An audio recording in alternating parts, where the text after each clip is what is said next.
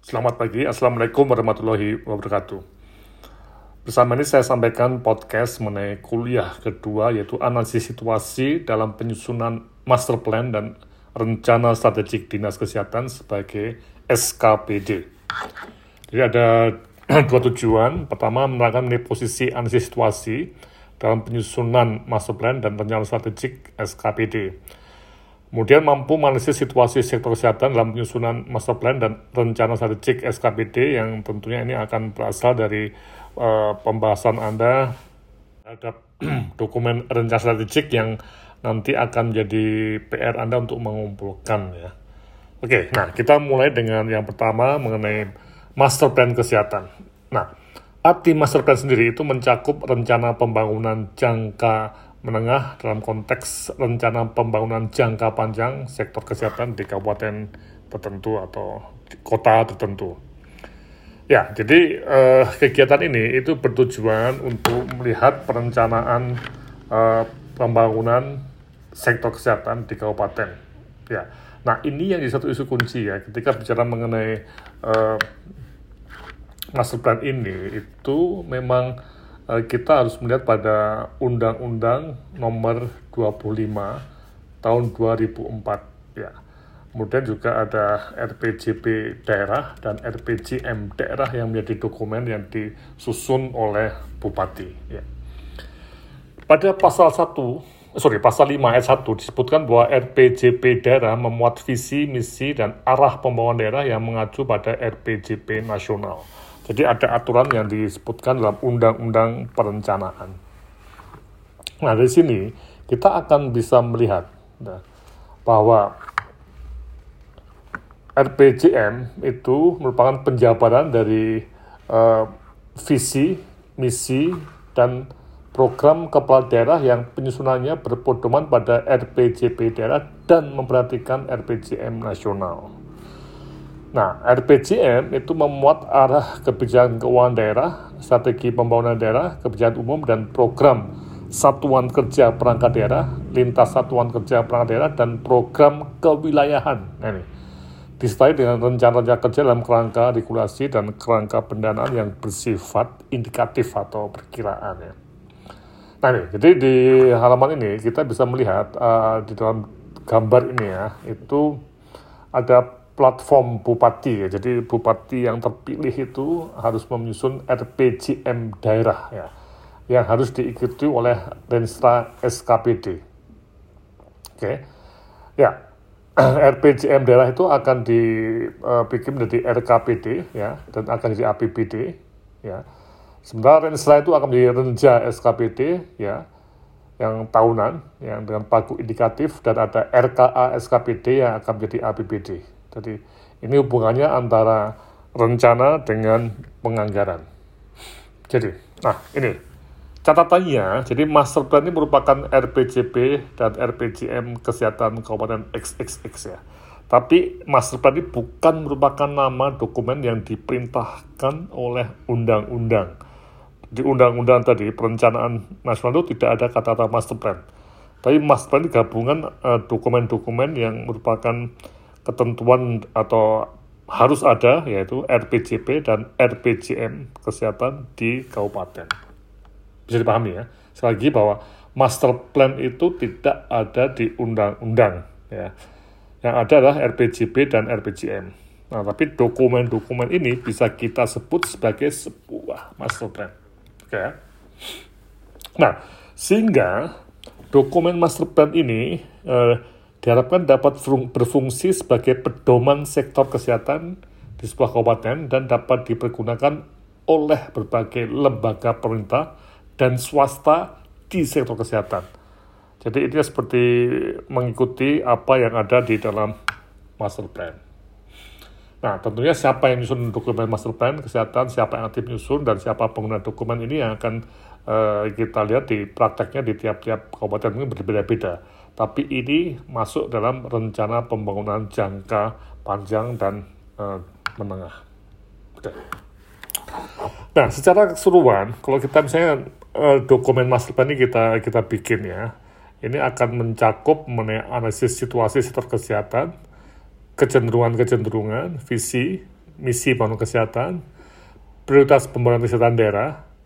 Nah ini, kemudian program Dinkes lintas SKPD, kemudian juga program organisasi di kewilayahannya, bisa masyarakat dan swasta, dan juga memuat kegiatan dalam kerangka regulasi dan anggaran. Nah ini, jangkauan waktu itu karena jangka menengah dan panjang 5 sampai 20 tahun ini.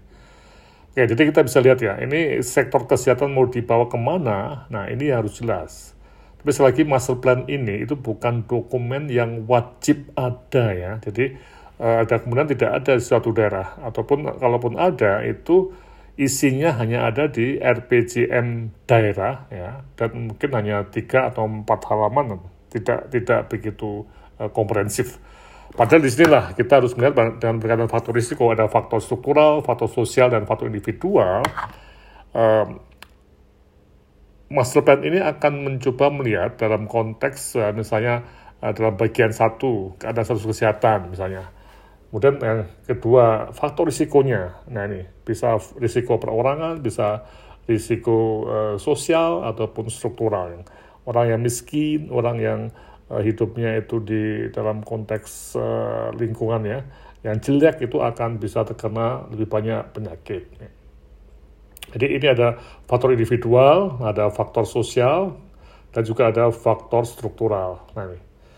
Nah kemudian dalam konteks masa depan itu juga harus ada apa yang disebut sebagai analisis kecenderungan-kecenderungan yang entah positif ataupun negatif dan ada skenario-skenario yang bisa pesimis atau optimis ya mengenai sesuatu yang terkait dengan kesehatan.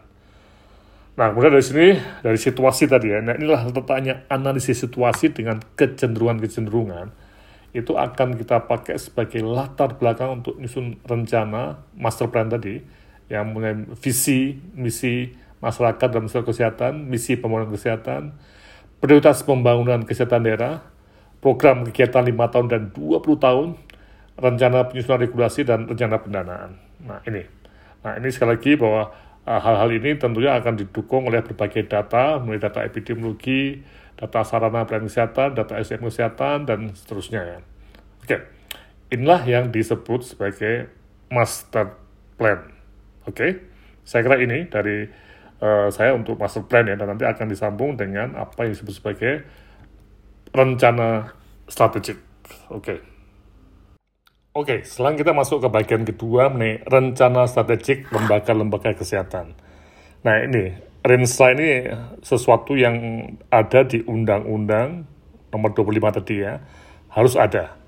Nah, setiap lembaga di berbagai jenis ya, lembaga yang di halaman 22 ya, itu ada kita kenal dalam konteks good governance mengenai uh, berbagai komponen pelaku antara lain pemerintah, kelompok pelaku usaha, dan masyarakat. Jadi kalau di, kita lihat dalam model yang lingkar-lingkaran itu ya, itu memang ada pemerintah, masyarakat, dan usaha yang semuanya itu mempunyai organisasi-organisasi yang mempraktekkan atau menggunakan prinsip-prinsip rencana strategik untuk uh, istilahnya itu mengembangkan dirinya atau bertahan dan uh, berkembang. Nah, di sini rencana strategik lembaga di sektor kesehatan itu ada uh, yang mempunyai lembaga yang mempunyai sifat sebagai regulator, misalnya Kemenkes atau dinas kesehatan. Kemudian juga ada uh, Renstra yang ada di lembaga yang disebut sebagai operator atau pemberi pelayanan kesehatan, termasuk yang miliknya pemerintah dan swasta, misalnya rumah sakit, puskesmas, pelayanan primer, dan sebagainya. Kemudian Rensa Lembaga Penelitian Pendanaan BPJS ya dan macam-macam lainnya termasuk perguruan tinggi, poltekkes dan yang lainnya. Nah, ini semua harus mempunyai dokumen rencana strategik. Tapi ini tidak uh, luas ya, lain dengan master plan yang mencakup kewilayahan ya. Ini cenderung kepada uh, untuk uh, dinas uh, kesehatan atau suatu lembaga saja. Oke ya. Nah, di sini kita akan bisa melihat bagaimana memahami rencana strategik yang sudah kita singgung di kuliah pertama. Dengan konsep berpikir strategis yang sangat menarik, yaitu adanya strategic thinking, kemudian strategic planning, dan strategic momentum. Nah, ini. Ini yang menjadi satu isu yang perlu kita uh, cermati, ya. Uh, prosesnya itu memang dari berpikir, merencana sampai action ini. Uh, kalau kita lihat di halaman 28 itu juga mengkaji kondisi hingga saat ini, kemudian membuat perencanaan dengan berbagai prediksi supaya kajian mendatang itu lembaga kita itu masih cocok dengan lingkungan eksternal yang berpengaruh di masa mendatang. Ya. Ini artinya apa? Kita berusaha betul agar lembaga kita itu dapat terus mengikuti apa yang menjadi dinamika lingkungan. Sehingga tahapan perencanaan strategik itu kalau kita lihat di halaman 30 itu ada tahap diagnosis terkait dengan visi dan misi, kajian lingkungan internal eksternal, dan isu-isu utama. Nah ini yang tadi analisis situasi dalam master plan itu bisa sangat mempengaruhi uh, tahap diagnosis ini. Apakah lembaga kita itu uh, harus maju, berkembang, atau mundur? Nah, ini jadi satu isu kunci. Kemudian ada tahap perencanaan, uh, ya, yang disusun dan penyusunan rencana operasional 35 tahunan dan penyusunan program dan anggaran ya. Jadi programming and budgeting, kemudian dilaksanakan dan dikendalikan. Jadi ini suatu tahapan yang sangat sistematis sehingga kalau kita sebut sebagai suatu tool, sebagai alat untuk masa depan, ya inilah yang kita sebut sebagai uh, alat yang uh, sistematis. Okay. Nah, di sini apa saja kebutuhan-kebutuhan dasar untuk manajemen strategik? Nah, ini yang perlu kita cermati betul ya.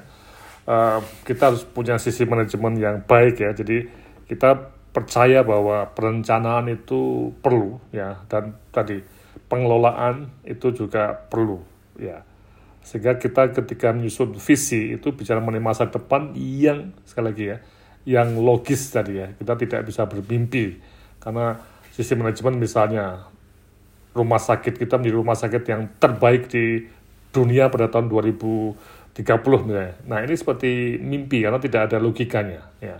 Jadi paradigma yang tepat itu memang paradigma yang logis bahwa lembaga kita itu mampu berkembang dengan ukuran-ukuran yang uh, terukur. Ya. Dan yang kedua, ada yang manajer strategik yang mempunyai jiwa kepemimpinan. Tidak mungkin sebuah lembaga itu tanpa ada pemimpin yang mikir mengenai apa yang terjadi saat ini, berpikir mengenai apa inovasi-inovasinya, berpikir mengenai apa yang seharusnya dikerjakan, dan mampu menuliskannya dalam dokumen yang sistematis, tidak panjang, tapi juga tidak singkat, pas untuk dibaca oleh semua pihak, dan melaksanakan dengan jiwa kepemimpinan yang baik. Nah, ini. Oke ya. Nah, sehingga hakikat perencanaan strategik untuk lembaga yaitu proses penerjemahan misi, visi, keyakinan dasar, nilai dasar, dan strategi. Ya, jadi ini perlu betul-betul ditetapkan. Kemudian proses pembuatan semacam peta strategi kita mau bagaimana, tumbuhkah atau stagnan atau mungkin kita harus konsolidasi, mengurangi kegiatan, itu bisa terjadi. Kemudian nyusun kegiatan-kegiatan yang sifatnya jangka panjang dan juga menerapkan prinsip-prinsip manajemen yang baik ya dalam pelaksanaannya. Oke ya, jadi ini hakikat perencanaan strategik itu tidak hanya menjadi dokumen, tapi yang sangat penting itu juga dikerjakan. Oke.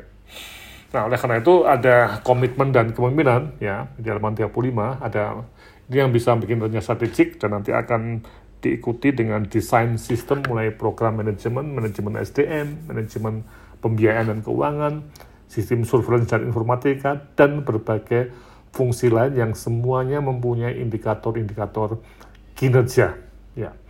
Nah ini yang harus kita lakukan ya. Nah, bagian ketiga, aplikasi bagaimana? Nah ini, Renstra Dinas sebagai lembaga indikator itu itu memang cukup rumit ya. Di halaman 37 itu banyak dokumen yang perlu diaju. Ya nih. Nah, ini yang menjadi satu pertanyaan besar ya. Eh, kerumitan-kerumitan ini yang perlu kita uh, pelajari betul dan nanti kita akan mencoba memasukkannya dalam sebuah uh, latihan untuk menyusun dokumen rencana strategik. Ya.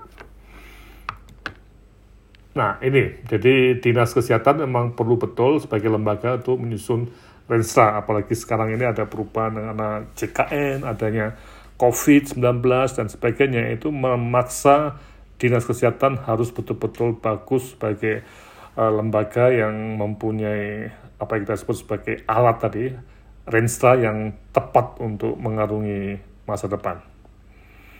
Kemudian dari rencana masuk ke struktur organisasinya, bagaimana struktur organisasi itu disiapkan, dikembangkan itu akan dibahas juga pada uh, bagian dari Renstra yang tentunya masuk pada struktur organisasi seperti ini di halaman terakhir ya.